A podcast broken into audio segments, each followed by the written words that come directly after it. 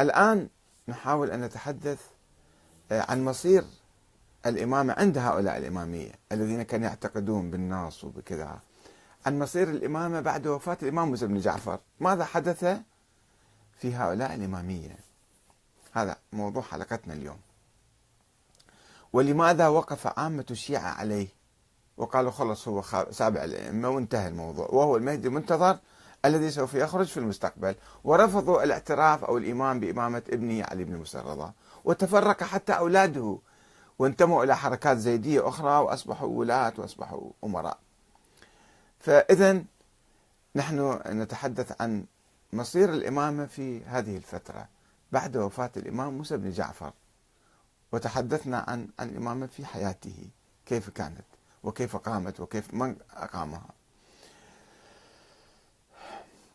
لقد ذوت نظرية الإمامة الإلهية في عهد الإمام الكاظم. ذوت شفناها في الحلقة السابقة كيف أنه هو كان ينفيها وكان ما يصدق الإمامة وكان يرفض كل هالشيء هذا. وكادت تنطفئ بعد وفاته سنة 183 خصوصا وأن شيعته شيعة الإمام الكاظم لم يعرفوا أي نص منه على أحد من ولده بالإمامة. هسه نشوف نجي شلون كان. وذهب الكثير منهم إلى اعتناق المذهب الزيدي أو بالأحرى التشيع العلوي السياسي المعقول واللي كان معروف وعام ذيك الأيام عامة الشيعة كانوا زيدية إلا مجاميع من المتكلمين والفلاسفة وال يعني المنظرين والغلاة الذين كانوا ينظرون لهذه النظرية.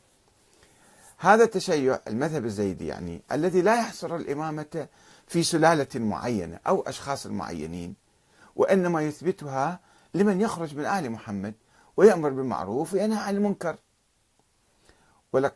ولذلك قام جمع من أصحاب الكاظم وأبنائه في المدينة بالاجتماع عند باب أم أحمد زوجة الكاظم إحدى زوجاته يعني وبايعوا ابنها أحمد.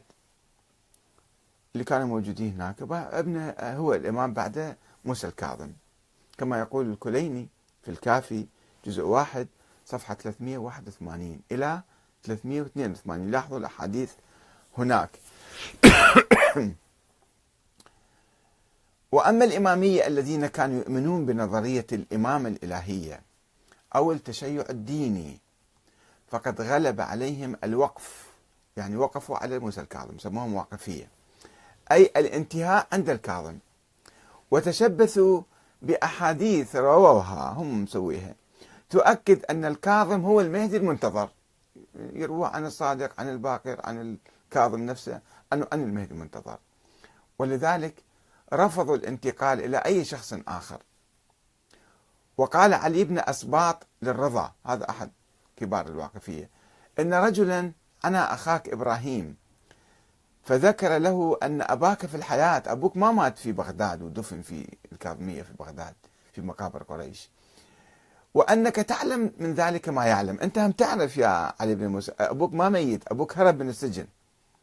شوف شلون يواجه الإمام ويكذب عليه عينك عين بعين يعني. ويقول له أنت تعلم أيضا.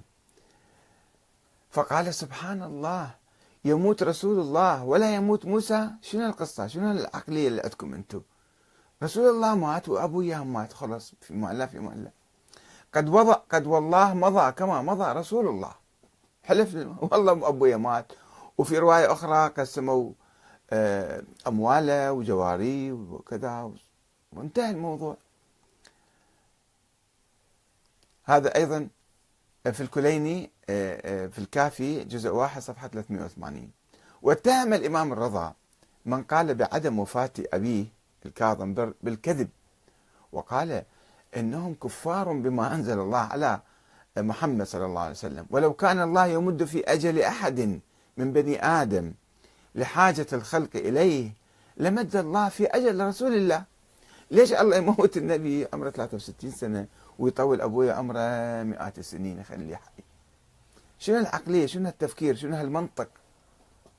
وهذا منطق مهم جدا. هذا منطق أهل البيت. ومنطق الإمام الرضا خلينا نشوفه بعدين كيف تغافل عنه القائلون بامتداد حياة محمد بن عبد الله محمد بن حسن العسكري.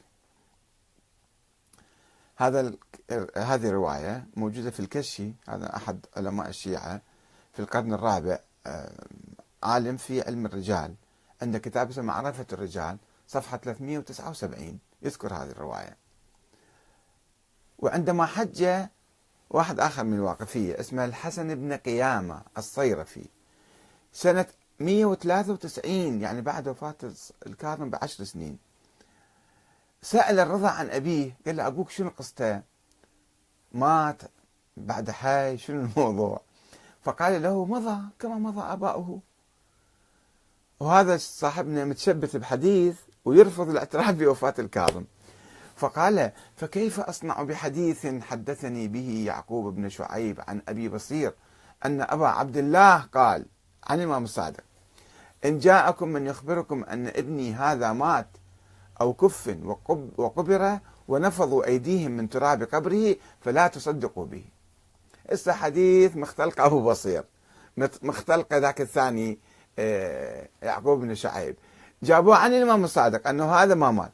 متى طلعوا هذا الحديث سنة 183 عند وفاة الإمام الكاظم طلعوا لهم حديث عن الإمام الصادق. أنه ابني ما يموت أصلا. فقال الرضا كذب أبو بصير. وهذا عاد يدعي من أركان نظرية الإمامة كذاب. الإمام صادق الإمام الرضا يكذبه. فقال كذب أبو بصير. ليس هكذا حدثه. إنما قال إن جاءكم عن صاحب هذا الأمر آه شوية لف الرواية.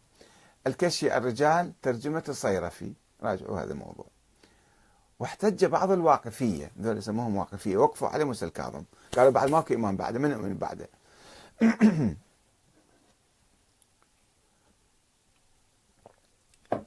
واحتج بعض الواقفية أيضا بأن الرضا لم يكن لديه ولد تستمر فيه الإمامة بعد ما كان جاي أولاد. ولم يكن قد رزق بولد حتى وقت متأخر. فخشوا أن تتكرر تجربة عبد الله الأفطح اللي مات وما عنده ولد ووقعوا في حيرة وفي انقسام. قسم قال عنده ولد قسم قال لا وقسم انتقل الأخو قسم ظل